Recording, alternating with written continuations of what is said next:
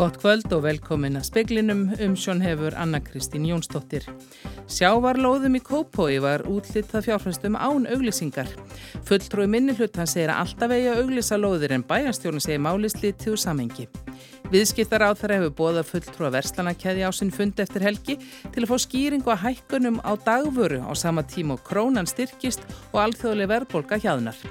Seldum íbúðum hefur fækka til muna og það eru ódýrar að raunverðin fyrir ári. Pútín Rúslandsforsti myndist í dag þeirra sem léttust þegar þóta leðtóa Vagner málaliðana fórst.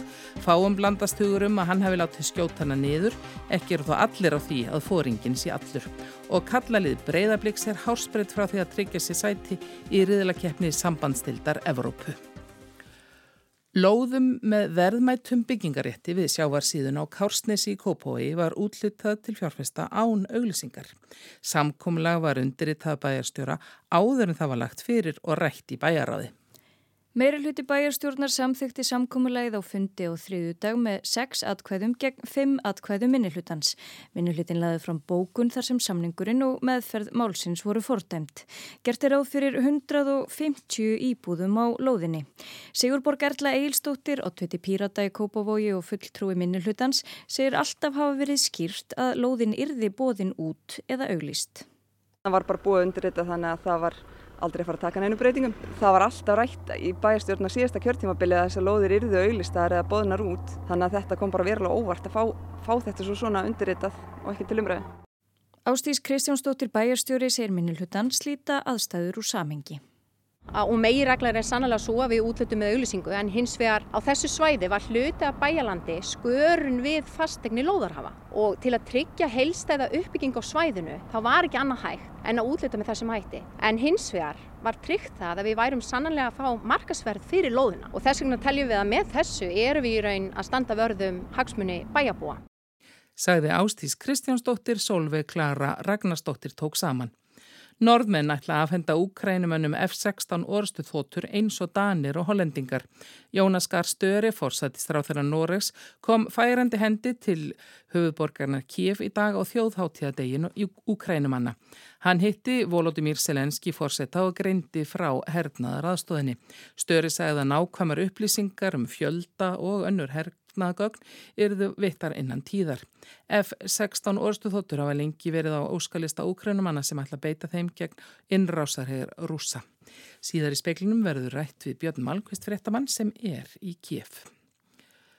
Viðskiptar á þeirra vil fá skýringar á því hvers vegna dagvara hefur hækkað í verði á sama tíma og krónan styrkist og verðbolga í heiminum mingar.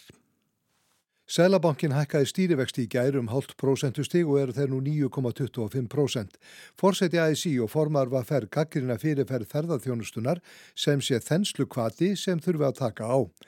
Lili Alferðstóttir viðskiptar á þeirra sem er yfir ferðamálum segir áallur fjöldi ferðamanni ár veri svipar 2018. Vöxturinn hafi því ekki verið eins mikill og oft er haldið fram að að því hún hefur gengið vel þá hefur komið auðvitað mikill gjalderi inn í landið og hvað gerir þessi aukmi gjalderi? Hann lækkar verðbólkuna að því að krónan er að styrkjast. Þannig að þau áhrif sem ferðarþjónastana er núna að hafa á verðbólku, þessar verðbólkumælingar, ætti að vera þannig að hún komi til þess að lækka verðbólku í gegnum gengið. Viðskiptar á að sæði aðtiklisvert að samkvæmt peningamálu Sælabankans hafi dagvara hækkað um 12,2% frá sama tíma í fyrra. Á þeim tíma hafi gengi styrst um 6,6% og verðbólga í heiminu minkað. Sterkara gengi ætti að skila sér í lagra vöruverði og því komið þetta henni óvart. Hún vill að helstu aðeilar á markaði skýri hvers vegna þetta sé svona. Við erum að fara að funda með þeim í byrjunastu viku ásand tí að að leita frekari skýringa uh, til að leita hjá hagstofunni og fleiri aðlum. Þess að stæðsta verkefni í samfélagsins í dag það er að verðbólgan lækki svo að vextu geti lækka og að heimilinn sé geti komist í eitthvað skjól frekar fyrir en setna. Þannig að allt sem verður þessu valdandi að verðbólgan er að hækka, sérstaklega þegar gengið er að styrkjast, það þarf að skoða það mjög klöfgafulega. Sæði Lilja, Alfreðsdóttir Haukur Holm tók saman.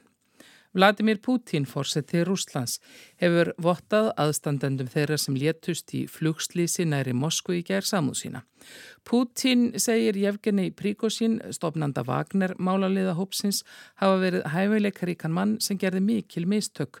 Þess hafði verið beðið að Putin tjáði sig um slýsið og fráfall Príkosíns sem var meðal þeirra tíu sem fórust. Putin hétt því að slýsið yrði rannsakað. Fastegnaverð á Suðvesturhóttninni hefur lækkað að raunvirði síðast árið á sama tíma og seldum íbúðum hefur fækkað um næri þriðjung.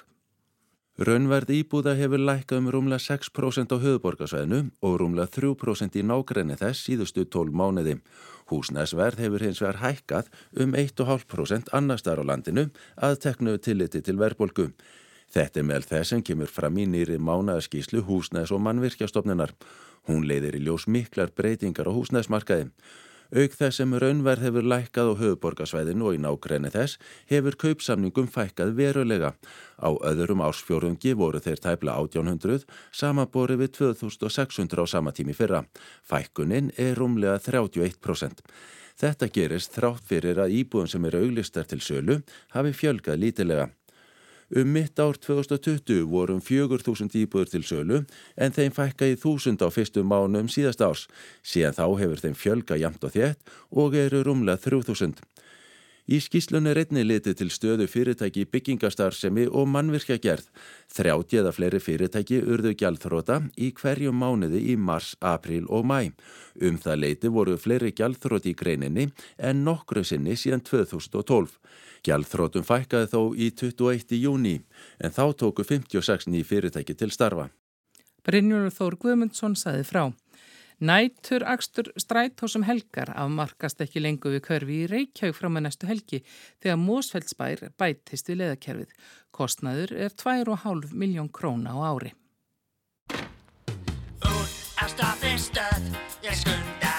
Með. Ferðarkostum mósöldinga sem sækja í nætulíf miðbæjarins fjölgar um helgina, einmitt þegar mósöldingar halda bæjarhátti sína í túnunu heima. Nætulegin 106 sem alla jafna hefur haft endarstöð sína við barðastæði í Grafói bætir við þremur byðstöðum og tegir sér alla leið að Bjarkarholti í Mósesbæ. Regina Ástálsdóttir, bæjastjóri í Mósesbæ, segir nætustrætt og örgisatriði fyrir íbúa.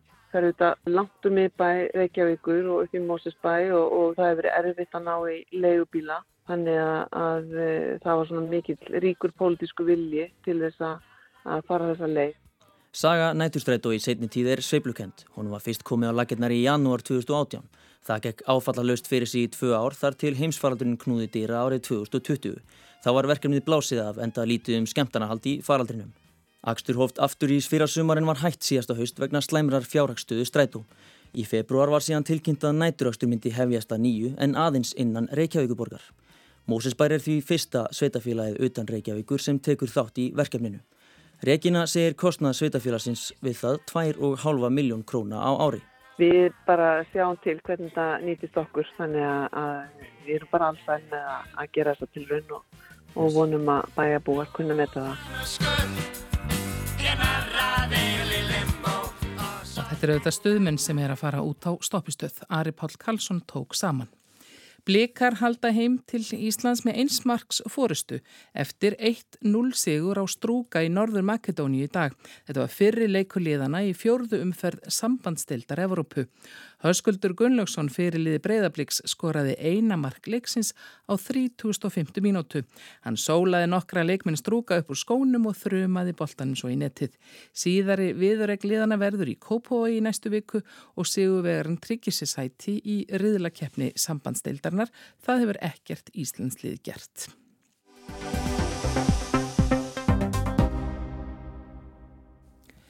Þjóðháttíðadagur Úkrænu er í dag, 24. ágúst og þeir fagna sjálfstæði sínu.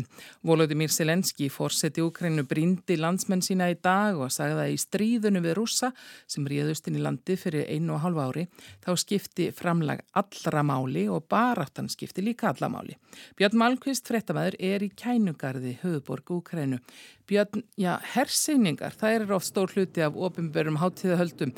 Hvernig er þetta í Úkrænu í dag? Já, hersýningar eru stór hluti stundum en hér er hersýning af aðeins öðru tægi skal ég segja Anna Kristín. Sit, ég sitt hérna á við Krestjatík breyðgutuna í hjarta Kiev. Þetta er svona stærsta gata bæjarins, liggur í gegnum miðbæinn. Hér er búið að koma fyrir rétt eins og reyndar á þjóðadeginum í fyrra uh, út brunnum og uppsprengtum uh, leifum af hernaðartólum rússa uh, skriðdregum, stórskótalisvögnum og liðsflutningavögnum sem að úkrænumennum tókst að eiðilegja og leggja halda á í svona fyrstu vikurnar á mánuðina eftir að rússar réðust hér inn fyrir, já, nákvæmlega átján mánuðum síðan í dag. Þetta eru tæki sem að sem að eh, rúsar gáð upp á bátinn eh, þegar þessuti þeirra sóttu að, að kenningarði, að Kiev og, og, og mikið af þessum tækjum hérna það eru skildi á þeim og, og það er einmitt sagt frá því að þau, að þau voru skotin og sprengt í loftu upp hérna nálat borginni. Hérna hafa þúsundir streymt um göttuna í allan dag, það var opnað fyrir gangandi umferð hér í morgun. Það er búið að vera að setja upp þessa síningu núna síðustu daga og svæðið er búið að vera lokað. Eh, ég var hérna fyrir dag og þá voru þúsundir hérna sem streymdu fram hjá og mannfjöldunum hefur ekkert eh, sko það hefur ekkert fækkað síðan þá að sínist mér. Eh, við náttúrulega erum að segja sögur af árásum á Kiev og Úkrænu og þú ert að segja þarna frá stríðstólum sem hafa verið skilin eftir. Enga síður er þetta náttúrulega stór borg með fullt af fólki sem er líka bara svona á sinna vennjubundu tilveru. Já og það sér maður greinilega þegar maður kemur ykkar. Ég kom ykkar á sunnundaskvöld og búin að vera hérna semst síðan þá. Eh, svona á yfirborðinu þá er bara daglegt líf hér bara svona með feldu. Það er ekkert ósveipað að ganga hér um götur eins og í, ég voru að segja, Varsjá eða Berlín. Eh, hér eru veitingastæðir opnir, útveitingastæðir fullir af fólki, um, þessi bílaumferð, þú veist, lestarsamgöngur, allt gengur sinn, vanagangir, greiðslukerfi virka, Eh, bankar, ofnbæra og allt það. það, það er allt saman eh, bara með feldu eh, en þú veist, maður þarf ekki að fara lengra heldur en til dæmis hinga nýra á bregðgóðuna til að sjá þetta maður lappað fram hjá skriðdega, gildrum og steipuklumpum sem hafa verið staplað upp á gatnamótum ekkert langt í burtu frá miðborginni og jafnvel í miðborginni líka sem hafa voru notuð að ég held næstum öruglega í, í, í þarna fyrstu dagana og vikurnar Eh, eftir að rússar réðust inn til þess að hamla umferð um, um, um umferðaræðar í, í borginni. Nú stendur þetta dót svona búið að stapla þessu snirtilega upp til hliðar en það er alveg ljóst að það er, það er tilbúið til, eh, til notkunar á ný ef að, ef að, ef að þarf krefur. En þetta er náttúrulega stríðandi land og, og úkrænumenn þeir svona nikluðu aðeins líka vöðvana í dag með yflýsingum um, um að þeir hefðu farið inn á krímska. Já, þeir gerðu það. Uh, Leinithjónustan, hún byrti tilkynningu á Telegram sem er samfélagsmiðl sem er mikið notaðu hér um að hópur sérsveitamanna hefði ráðist til landgöngu á Krímskaganum og lendar í vopnaviðskiptum við rúsnænska hermenn. Ukrænumenn sögust ekki hafa mist neina hermenn en hefðu felt einhverja rúsa og, og lagt hald eða, eða eðalagt einhver vopn sem, sem að þar voru. Uh, þetta er kannski ekki stór hernaðalegu viðburður en hefur mikla tákrana merkingu enda hafa Úkrænumenn lagt gríðarlega mikla áherslu á það að það sé þeirra endanlega takmarka ná aftur krimskaganum sem að rússar lögðu jú undir sig vorið 2014 í kjölfar þess að hér var þessi bylting gerði í landinu uh, í, í, mass, í februar og, og mass þannig svöruðu rússar fyrir sig með, með því að leggja undir sig krimskagan og með því að styðja aðskilnaða sinna í östurhluta uh, Úkrænu uh, síðan þá hefur verið kallt á milli þessara tveggja þjóða og náttúrulega enn kaldara síðan í februari fyrir þegar, þegar rússar riðust til. En það er rétt, það er, Selenski kom fram í dag í, í, hér við Dómkirkju í miðborginni, uh, sótti þar messu með, með eiginkonu sinni og kom síðan út og helt ávarp og, og var að blása landsmönnum uh, svona hugrekki og, og, hérna, og von í brjóst. Hann er nýkominn Selenski úr ferðum hér til Ímisa Evropulanda og, og meðal annars Damörkur og, og Hollands þar sem að honum var lofa því að hann myndi þeir að Ukrænumönnum eru sendar orustu þóttur og svo kom ég að forsættisra á þeirra Norris kom færandi hendi í dag. Jú, hann dúkaði hér upp, það var, það ríkti talsverð lendi yfir, yfir komu hans til, til, uh, til Kiev, þetta er í annarskipti sem hann kemur og, og mér skilst af norskum fjölmjölum og hann hafi verið sérstaklega bóðningað, ekki að ástæðuleysu vegna þess að hann tilkynnti jú einmitt um að normin ætluði að slást í hóp með Danmörk, með, með Dönum og, og, og Hollendingum og senda hingað F-16 orustu þotur sem er að bandarískri gerð og og hafa verið notkun um langa hríð í, í mjög mörgum ríkjum Evrópu. Eh, það er ekki á hreinu hversu margar þotur normenn ætla að senda. Norska ríkisútvarpið tilur að það getur verið á milli 5 og 10.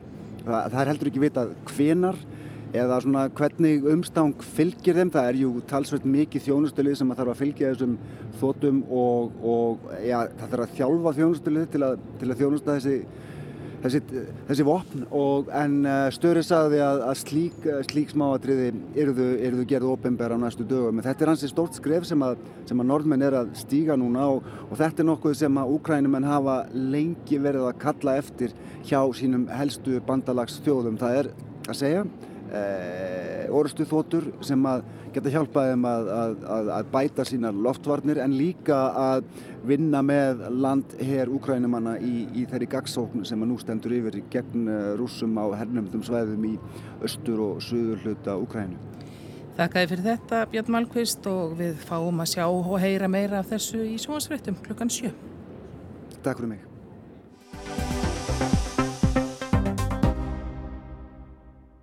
Ráðamenn í Rúslandi tjáðu sig ekki í sólaring um þóttuna sem rapaði í gær með tíu manns innanborðs nokkur eftir flugtak frá Moskvu. Hún var í eigu Jevgenís Príkósins yfir manns Vagner málaliða hersins. Hann er sagður hafa verið á farþegalistanum á samtið Dimitri Útkinn, helsta samstarfsmanni sínum en hefur þó ekki fengist ofinberlega staðfest að þeir hafi látist þegar þóttan fjall til í arðar. Síðdeis myndist Latimir Putin fórseti þó loks þeirra sem létust. Hann sagði að Prigósín hefði verið hæfileikaríkur köpsíslumadur sem hefði gert mistök. Rannsókn ætti eftir að leiða í ljós hvers vegna þóttan rapaði. Ekki eru allir á því að Prigósín sé allur. En ef eh, svo er, er það almenn skoðun jæmt innan Rúslands sem utan að einhverjir á vegum Latimir Putins fórsetta hafi verið að verki. Príkósinn lagði undir sig bæi og borgir í Rúslandi í júni og stemdi herliði sínu til Moskvu. Herförinni lindi ekki fyrir en umsamtist að hann og málalíðarans eh, færu í útlegð.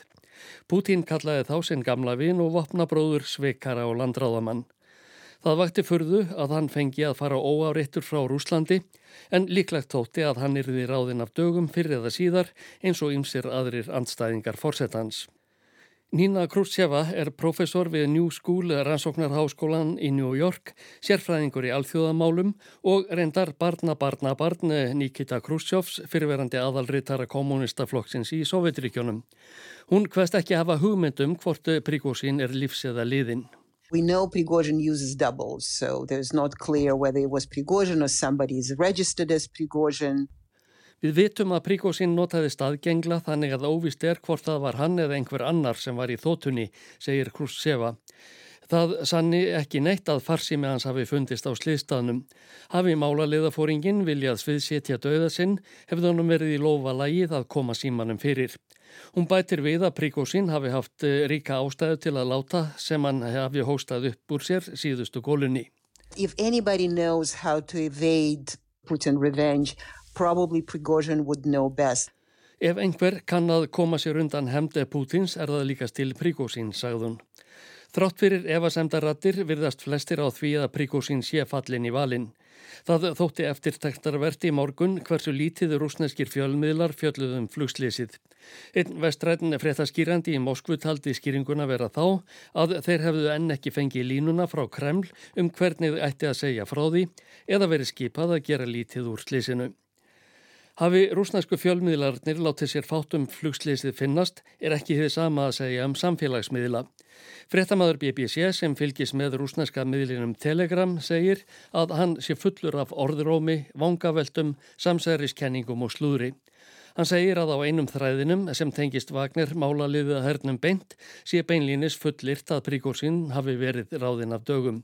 Þar hafi verið að verki einhverjir sem kallaðir eru svikarar við Rúsland.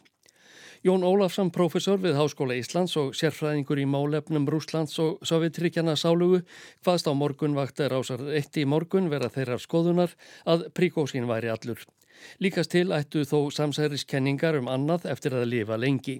En það sem að blasir við er að þarna losaði Putin sig við óþægilegan og, og hættulegan anstæðing. Núna það eru akkurat tveir mánuður í dag síðan þessi uppreysnar tilraun eða það sem að hann kallaði réttlæti skönguna átti sér stað og ég held að atbyrðar ás þess dags og dagsans eftir síndi hvað sem gerðist í millitíðinni að þetta tólkaði Putin sem meiri háttar drottin svig og ég, maður sá það fyrir sér að eitthvað svona myndi gerast fyrir það síðar og það sem hefur gæst núna undanfarnar tvo mánuð hefur kannski fyrst og fremst svift hulunni af því hvernig hlutinni ganga fyrir sig í raun og veru innan Kremlar. Það er ekkit fjari lægi, það auðvitað kemur manni fyrst í hug eitthvað eins og þetta, mafju ríki, þarna er bossinn sem að gefur fyrirmæli og það er hann sem að ákveður hvort fór lifir að degir. Ég meina, það veri kannski líka nærtakar að fara bara aftur í 1001 nótt eða eitthvað svoleiðis. Við getum fundið helling af samlíkingum en það er eiga það sammeðilegt að vera ekki úr nútíma stjórnmálum. Sagði Jón Ólafsson á morgunvaktinni á rás 1 í morgun. Ímser hafa velt við fyrir sér að ef Vladimir Putin stóða bakvið að þóta príkósins var skotið niður í Rúslandi, hvers vegna honum var ekki ráðinn bani einhver staðar annar staðar, eh, til dæmis í fjarlægu Afríkuríki. Nína Krústjefa segist ekki kunna neina aðra skýrjungu en þá að fórsetin sé mikið fyrir háa kvelli og vilji sína að óvinnir hans eigi sér enga undan komu leið. He likes these big bangs. He likes to show that his personal enemies do not escape. Og þannig heyrði síðast í Nínu Krústjefu Ásker Tómasson tók saman.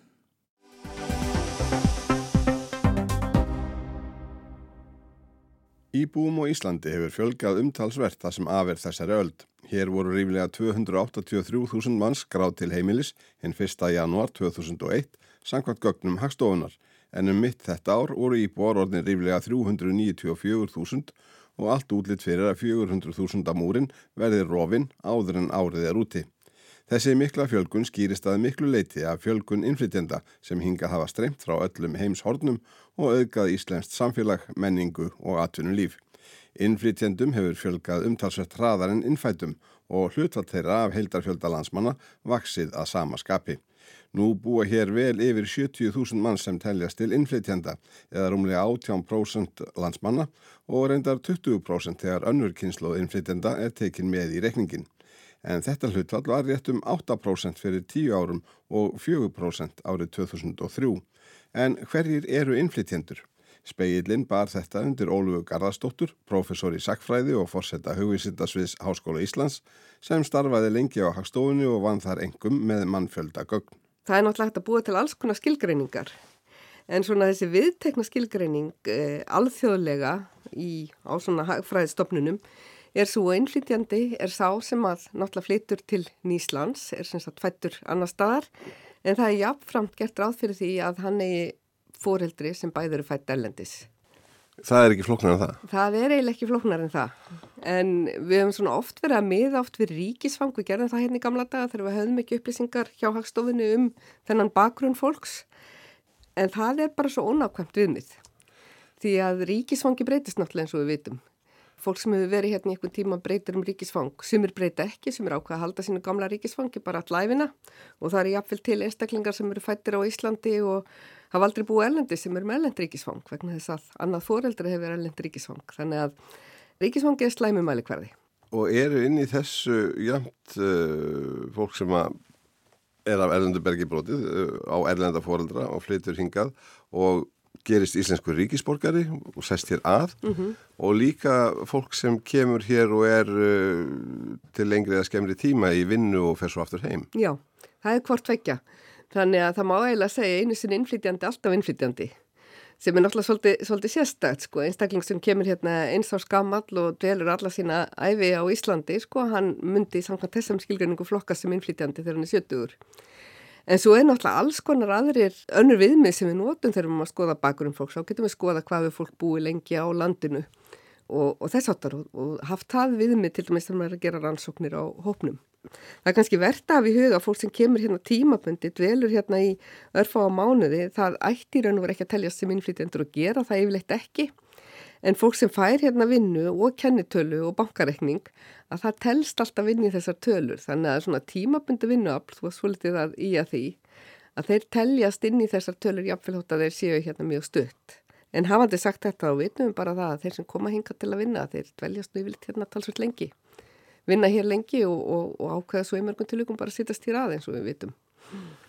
Það er orðið vel þekkt að langstæsti hópur innflytjenda á Íslandi í dag, hann kemur frá Pólandi. Já, einmitt.